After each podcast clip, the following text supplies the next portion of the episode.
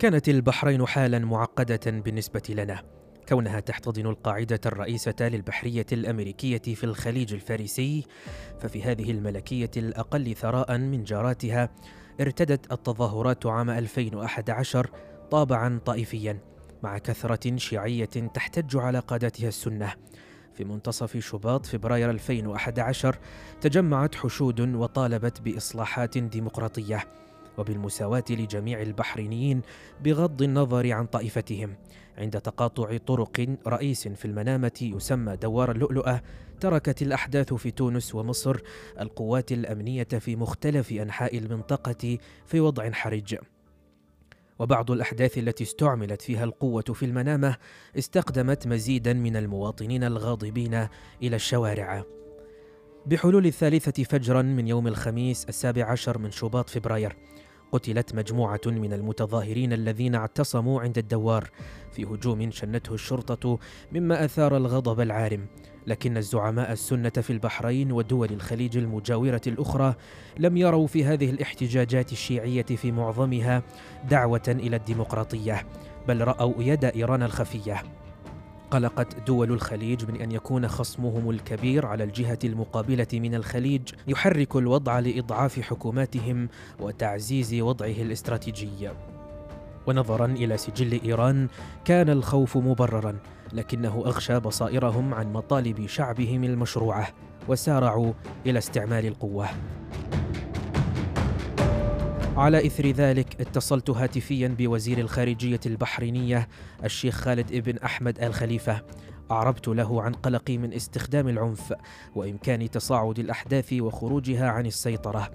آملت أن تتخذ حكومته الخطوات اللازمة لتجنب المزيد من العنف أثناء الجنازات وصلاة الجمعة. وقد أصبحت هذه الأخيرة موعدا لتعبئة المصلين في مختلف أنحاء المنطقة. ويشكل الرد على الاحتجاجات السلمية بالقوة وصفة لمزيد من الاضطراب. قلت له تلك قراءة خاطئة للعالم الذي نعيش فيه. فقد أصبح بيئة معقدة جدا. اسمعني جيدا. لا نريد عنفا يسمح بتدخل خارجي في شؤونكم الداخلية. ولتجنب ذلك عليكم القيام بجهود للتوصل إلى مشاورات حقيقية. عرف كلانا أن التدخل الخارجي معناه إيران. وكانت وجهة نظري أن القوة المفرطة يمكن أن تؤدي إلى عدم استقرار تستغله إيران وهو الأمر الذي تحاول حكومته تجنبه. بدا وزير الخارجية قلقا وقد عززت إجاباته مخاوفي حينما قال إن رد فعل الشرطة لم يخطط له وأنحى باللائمة على المحتجين لبدئهم بأعمال العنف. ووعد بأن تلتزم حكومته بالحوار والإصلاح. قال لي إن هذه الوفيات كارثة ونحن على شفير نزاع طائفي. كانت جملة تقشعر لها الأبدان. قلت له إنني سأرسل جيف فيلتمان إلى البحرين فورا. وأضفت سنوفر الاقتراحات ونحاول المساعدة. وأداء دور فعال في هذا الوقت العصيب. لست أقول إن الحل سهل فوضعكم صعب بسبب المشكلة الطائفية التي تواجهونها. وليس لدي أدنى شك في أن جاركم الكبير يهتم لهذه المسألة بطريقة مختلفة عن بقية الدول؟ في الأثناء حاول ولي عهد البحرين وقد حفزته المخاوف من تزايد العنف وبتشجيع من جيف الذي أمضى أسابيع في المنامة تنظيم حوار وطني لمعالجة بعض مخاوف المحتجين وتخفيف التوترات التي تجتاح البلاد. كان ولي العهد معتدلا وتفهم الحاجة إلى الإصلاح وهو الخيار الأفضل للعائلة المالكة للتوفيق بين الفصائل المتنافسة في البلاد. عمل جيف خلف الكواليس وسيطا للتفاهم بين العائلة المالكة وقادة المعارضة الشيعية لكن الاحتجاجات لم تهدأ. وفي آذار مارس دعا المحتجون إلى إنهاء النظام الملكي وازدادت وتيرة الاشتباكات مع رجال الشرطة حيث صارت أعنف. وبدا ان الحكومة تفقد السيطرة وضغط أعضاء الأسرة المالكة المحافظون على ولي العهد للتخلي عن جهود الوساطة. بحلول الأحد الثالث عشر من مارس أفاد ملحقنا العسكري في السفارة في الرياض عن تحرك غير عادي للقوات في المملكة العربية السعودية. قد تكون متجهة إلى البحرين. اتصل جيف بوزير خارجية الإمارات الشيخ عبد الله بن زايد آل نهيان وأكد له أن التدخل العسكري يوشك أن يبدأ وستدعو حكومة البحرين جيرانها إلى مساعدتها على ضبط الأمن وتعزيزه. لم يروا ضرورة لإبلاغ الولايات المتحدة ولم ينووا كذلك سؤالنا أو سماع أي توسل لوقف هذه العملية. في اليوم التالي عبرت آلاف القوات السعودية حدود البحرين مجهزة بمئة وخمسين عربة مدرعة تبعها حوالي خمسمائة شرطي من الإمارات العربية المتحدة. أقلقني هذا التصعيد وتخوفت من حمام دم متى بدأت المدرعات السعودية تلج شوارع المنامة التي تمترس فيها المحتجون. كما أتى التوقيت على أسوأ ما يكون إذ خضنا في تلك الأثناء مفاوضات دبلوماسية حثيثة لإنشاء تحالف دولي من أجل حماية المدنيين الليبيين من مجزرة وشيكة قد يرتكبها العقيد معمر القذافي. كنا نعول على الإمارات العربية المتحدة ودول خليجية أخرى لأداء أدوار رئيسية. فقد صوتت الجامعة العربية في الثاني عشر من آذار مارس على طلب الأمم المتحدة فرض منطقة حظر جوي في ليبيا. ومشاركتهم في أي عملية عسكرية قد توفر الشرعية في المنطقة ولن يكون المجتمع الدولي قادرا على التحرك بعد العراق وأفغانستان ولن نخاطر ونبدو كأننا نطلق تدخلا غربيا آخر في بلد مسلم. كنت في باريس لعقد اجتماعات بشأن ليبيا مع الشيخ عبد الله بن زايد. اتفقنا على أن نلتقي في الفندق حيث نزلت.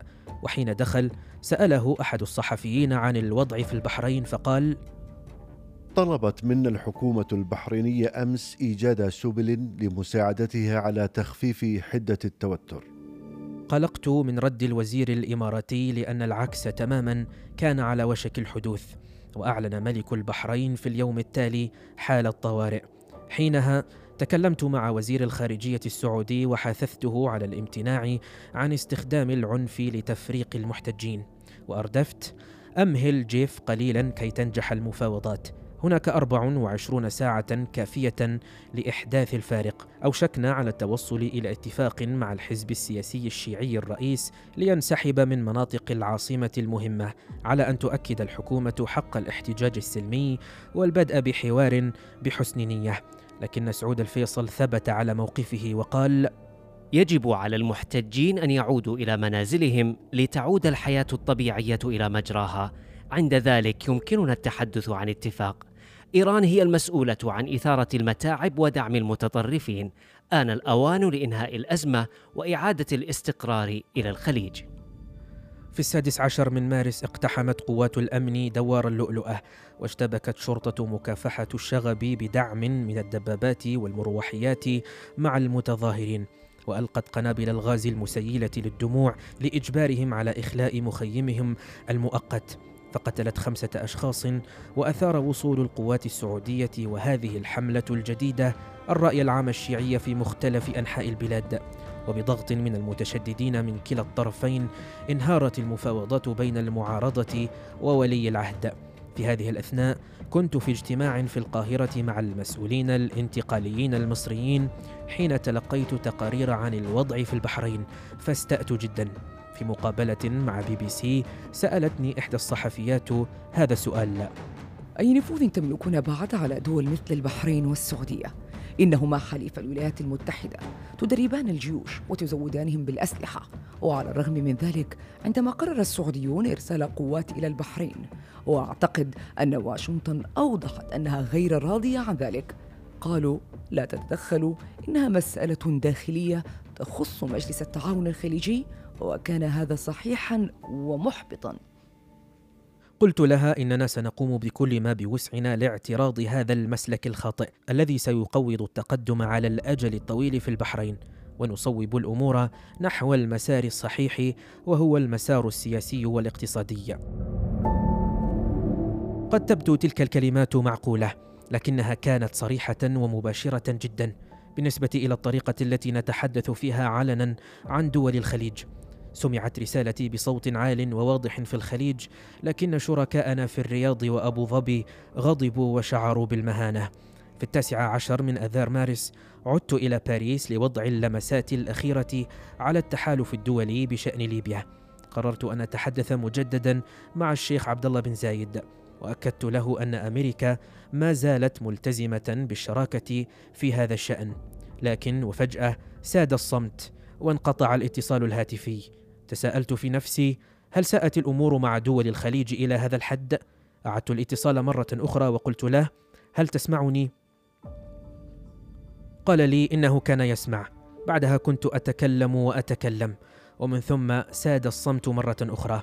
ضحك الوزير الإماراتي لكنه سرعان ما استعاد جديته وسدد إلي ضربة قوية وقال بصراحة مع تدخل قواتنا المسلحة في البحرين لتسوية الأوضاع يصعب علينا المشاركة في عملية أخرى.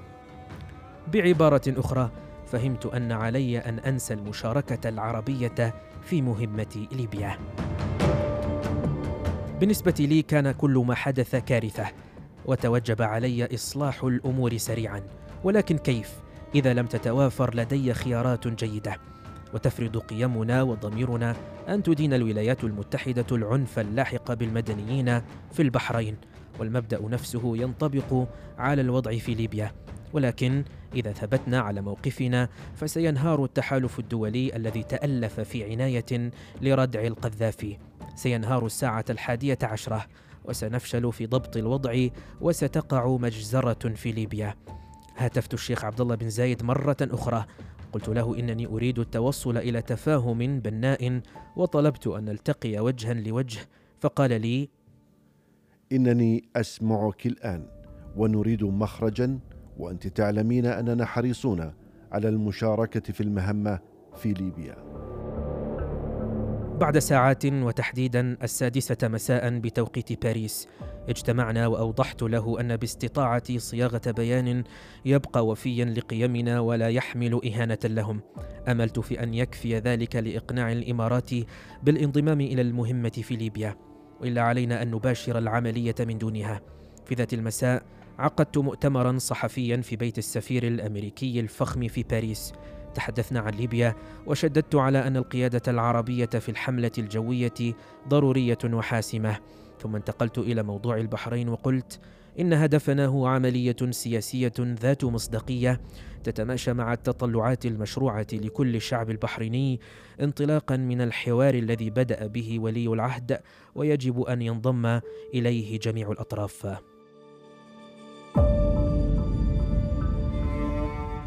لاحقا وخلال خطاب ألقيته في المعهد الوطني الديمقراطي في واشنطن في تشرين الثاني نوفمبر 2011 كان أكثر سؤال طرح علي هو لماذا تعزز أمريكا الديمقراطية بطريقة معينة في بعض الدول وتختلف في دول أخرى؟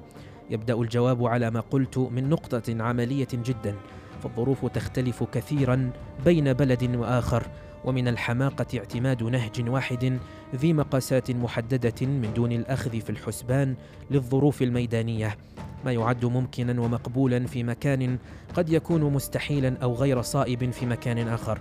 وصحيح أيضا أن لأمريكا الكثير من المصالح الوطنية المهمة في المنطقة تخرج عن الاستقامة أحيانا على الرغم من كل جهودنا. يتوجب علينا دائما أن نمشي ونمضغ العلكة في الوقت نفسه.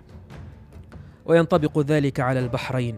سيكون لأمريكا دوما شركاء قاصرون عن الكمال ينظرون إلينا بالطريقة نفسها وسنواجه دائما ضرورة تدفعنا إلى تقديم تنازلات معيبة.